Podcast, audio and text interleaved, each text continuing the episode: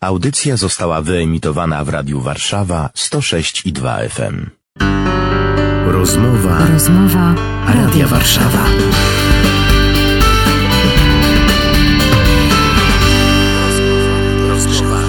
Sponsorem programu jest wydawnictwo poznańskie, wydawca książek Jacka Karczewskiego.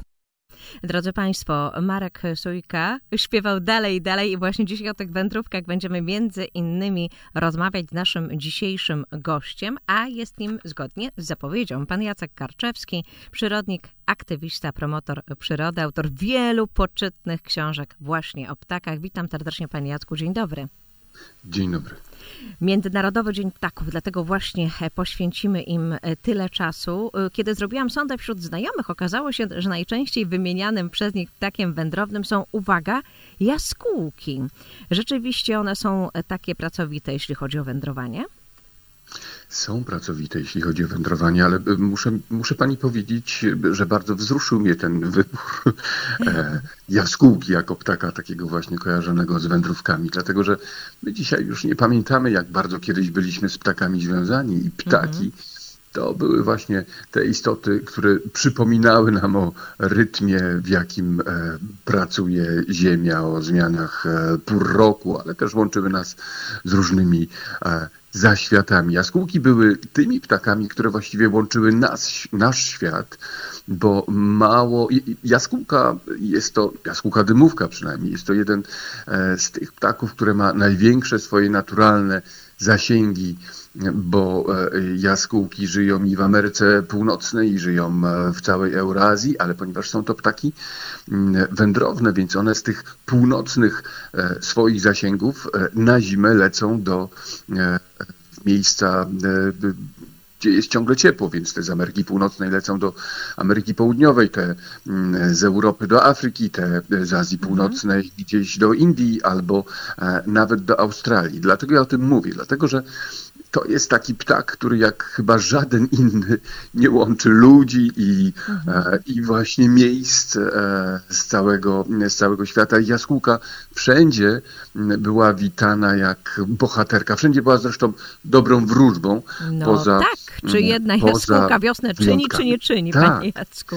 Tak. E, no, moim zdaniem, nie jestem pewien, czy czyni, ale kilka jaskółek na pewno już nie zostawia nam żadnych wątpliwości. A poza tym ciekawe jest to, że to powiedzenie, które pani właśnie e, nam tutaj przypomniała, to jest powiedzenie, które znają ludzie bez względu na, e, na kulturę, na jakąś historię na całym świecie. Czasami E, czasami tę, e, tę wiosnę zastępują latem i takie powiedzenie mieli etniczni amerykańscy Indianie, co ludy Syberii. No i my też taką, ta, takie powiedzenie mieliśmy. No i oczywiście, e, oczywiście jaskółka też u nas była tym symbolem czegoś nowego, czegoś dobrego, czegoś na co czekaliśmy. I te nasze skromne jaskółki wracają do Europy właśnie z Afryki. Nasze skromne jaskółki wracają do Europy z Afryki. Jaskółki, które wracają do nas, niektóre z nich mają za sobą 12 tysięcy kilometrów w jedną zaledwie stronę. Czy to są jakieś rekordzistki?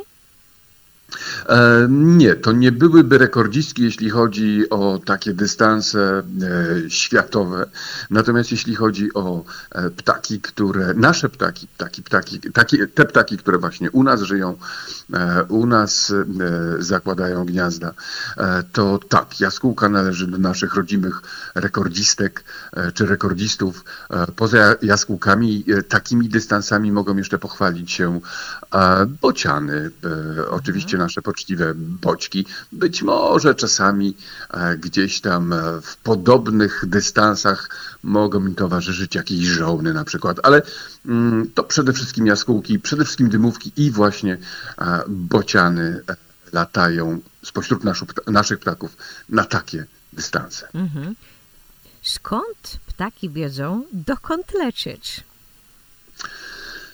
Cóż, Niektórzy uczą się, niektóre ptaki uczą się tego od swoich rodziców, od swojego starszego rodzeństwa albo starszyzny plemiennej, że się tak wyrażę. Młode, e, młode żurawie, te, które e, przyjdą e, w tym roku na świat lub przeważnie już przyszły, ale gdzieś tam i jesienią zaczną latać i polecą na południe czy, czy zachód. Podobnie młode gęsi, mhm. młode łabędzie, większość kaczek. To są ptaki, które bez, tak jak powiedziałem, swoich rodziców, starszyzny, bez przewodników nigdzie nie polecą, nie miałyby pojęcia, dokąd polecieć, gdzie się zatrzymać, jak się zachować po drodze. To są ptaki, które wszystkiego, absolutnie wszystkiego mogą, muszą się nauczyć. Jest też e, sporo takich ptaków, to są przede wszystkim te e, małe ptaki, tak zwane wróblowe albo śpiewające. To są ptaki, które mm, solidną e, porcję tej wiedzy takiej migracyjnej mają zakodowaną genetycznie i one gdzieś tam lecą sobie na taki genetyczny właśnie mm, e, azymut, który utrwalił się na, e, po, po, po, drodze ewolucji. Ale również te ptaki, te, ta, ta, pierwsza ich wędrówka tak, tak. jest mocno, e, e, mocno kontrolowana genetycznie, ale potem następuje ten taki mocny proces uczenia się i nawet te ptaki będą przedkładały to, czego się nauczą, na to, co, co, co mają zakodowane mm, e, w genach. Ale to jest niezwykłe. A kto w gronie pełni rolę nawigatora? Czy rzeczywiście jakiś lider w tej starszyźnie, o której pan wspomniał? Tak, rzeczywiście tak. Przy czym ci liderzy się e, wymieniają. Dużo zależy też od tego, w jakim szyku podróżują ptaki, bo na przykład gęsi czy żurawie właśnie, to są ptaki, które latają w tych e, znanych nam kluczach. No i oczywiście na czole, z czoła takiego klucza jest też największa praca do pokonania. Tam jest największy opór powietrza, który, z którym trzeba się zmagać. No więc e, ci e, liderzy, ci, którzy są na czole takiego, na czele takiego e, klucza, są co jakiś czas e, wymieniani. Zresztą tam w ogóle e, ptaki te wymieniają pozycje e, w, tym, w, tych, w tych swoich formacjach takich migracyjnych, mhm. żeby ten trud wędrówki równo rozłożyć. To po pierwsze, a po drugie ci słabsi, ci trochę schorowani, albo przede wszystkim ptaki młodsze, które jeszcze nie mają takich, takich mięśni, nie mają takich mocy, jak ich rodzice, jak ptaki starsze. To są te ptaki, które zwykle lecą na końcu klucza, gdzie te e, gdzie te opory powietrza mhm. do pokonania są, są najmniejsze. Ale nawet ptaki, które nie latają w formacjach, tak, są liderzy, na przykład nasze bociany, myśleliśmy, że też latają na azymut, a teraz się okazuje, że e, młode boćki prowadzą do Afryki e, doświadczeni o. przewodnicy. Mhm. Coś takiego. No trochę y, tak porównuję wędrówki ptaków teraz do szlaku pielgrzymkowego. Kto z przodu, kto w środku, kto z tyłu. Duże, ciężkie ptaki, takie jak bociany, no właśnie muszą włożyć dużo wysiłku w lot stadny. Dlatego też próbują w czasie trwania wędrówki przebyć możliwie dużo drogi lotem śliskowym. Co to oznacza? Co to za lot?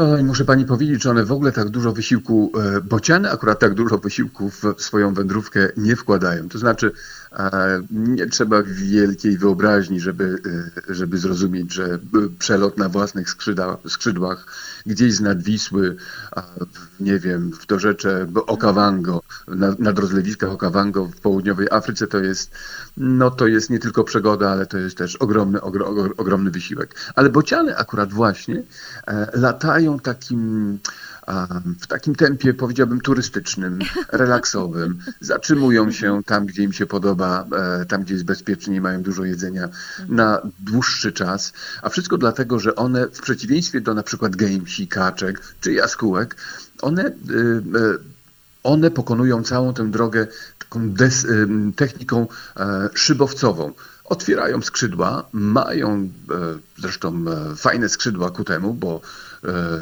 duża rozpiętość, ale te skrzydła są szerokie, z palczastymi, charakterystycznymi takimi e, zakończeniami. I to są skrzydła mm, przystosowane właśnie do takiego latania szybowcowego, ale to też oznacza, że bociany nie muszą machać ciągle tymi skrzydłami. Nasze bociany, mimo że lecą, e, niektóre z nich 12 tysięcy kilometrów mhm. w jedną stronę do Afryki, nasz bociek nie, nie przeleciałby, żaden z naszych bocianów nie przeleciałby e, z Warszawy do Krakowa, a tym bardziej do Pragi czeskiej, gdyby musiał ciągle machać skrzydłami, nie dałby rady.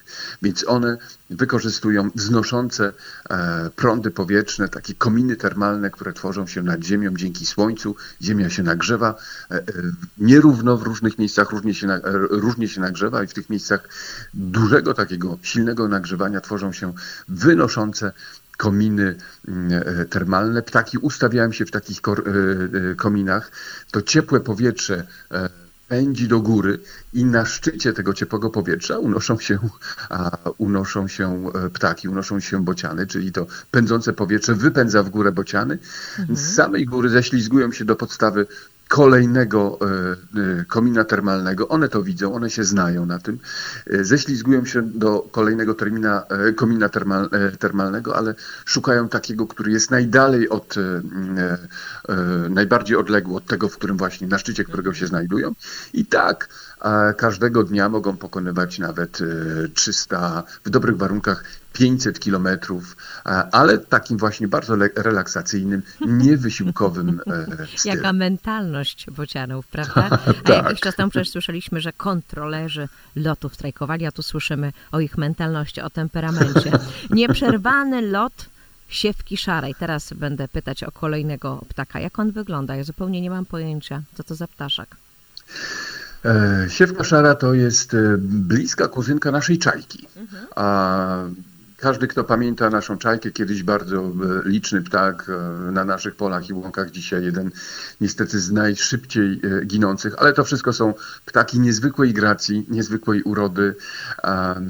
On, mo, może tam w przypadku siewki szarej nie możemy powiedzieć o jakiejś ferii, ferii kolorów, ale właśnie ten wdzięk, to jak się porusza, te wielkie, czarne, lśniące oczy, ta gracja, z jaką, z jaką chodzi, chodzi jakby tańczyła właściwie, gracja z jaką lata, a to wszystko powoduje, że, że to są takie ptaki, od których trudno mm, e, oderwać oczy, oczu oczy chyba jednak. Tak. Ale właśnie, e, mhm. siewki szare, e, siewki szare to są jedne z tych ptaków, które potrafią lecieć non-stop kilka tysięcy kilometrów i to właśnie wśród ich kuzynów szlamników no, padają takie e, rekordy, które, e, które podnoszą nam e, włosy na głowie. No bo zupełnie niedawno okazało się, Zdaje się, że w roku 2014 odkryliśmy, że szlamniki, niektóre ze szlamników ciągną przez Polskę. To są takie ptaki, które, które zimują e, no, na południu, ale e, gnieżdżą się w arktycznej tundrze. No i niektóre z nich lecą również przez, e, przez Polskę, ale szlamniki, które gnieżdżą się, które lato spędzają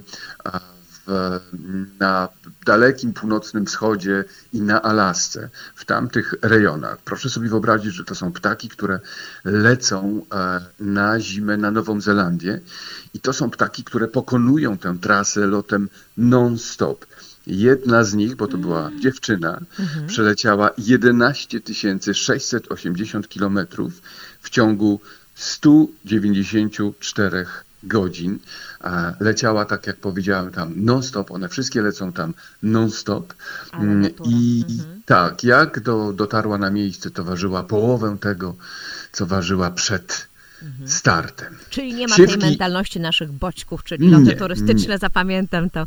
Film tak Makrokosmos tak zainteresował wiele osób tematyką ptasich wędrówek. Pamiętam, że akurat ja podczas tego filmu po prostu zapłakałam na koniec, bo nie każdy bohater dotarł do wytyczonego miejsca. Nawet jeśli dotarł, to na miejscu pokonała go, że tak powiem, natura czy przyroda. Jakie tajemnice dzięki, no właśnie, jakie tajemnice dzięki temu filmowi mogliśmy, mogliśmy odkryć?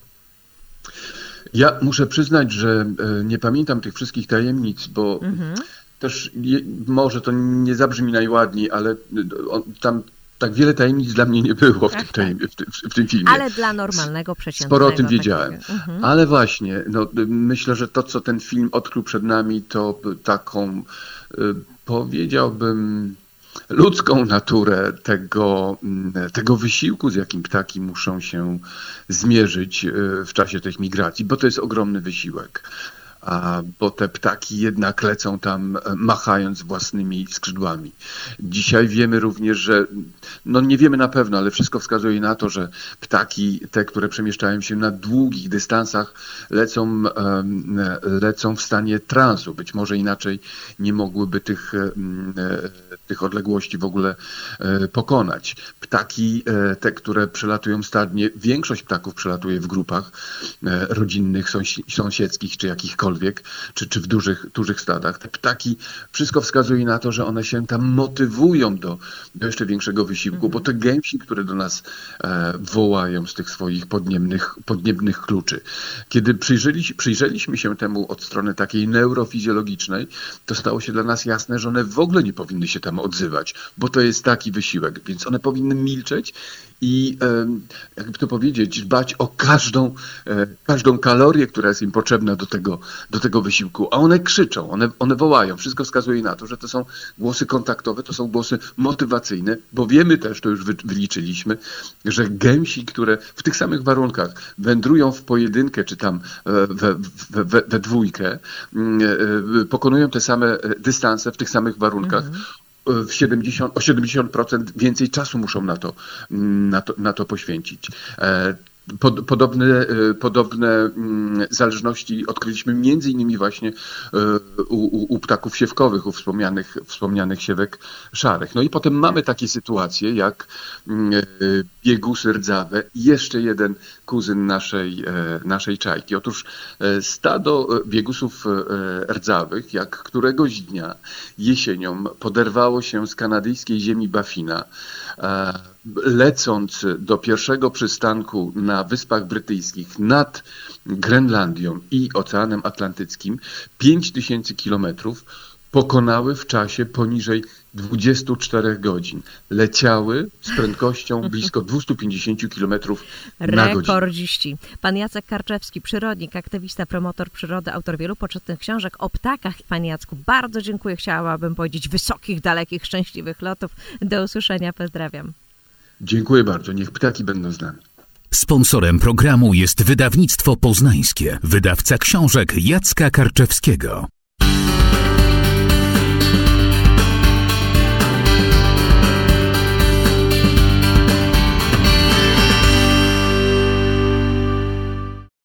Radio Warszawa nagrywa i udostępnia nieodpłatnie audycje takie jak ta dzięki wsparciu finansowemu słuchaczy i przyjaciół. Wejdź na www.radiowarszawa.com.pl i wpłać darowiznę. Wzmocnij nasze dobre fale. Dziękujemy.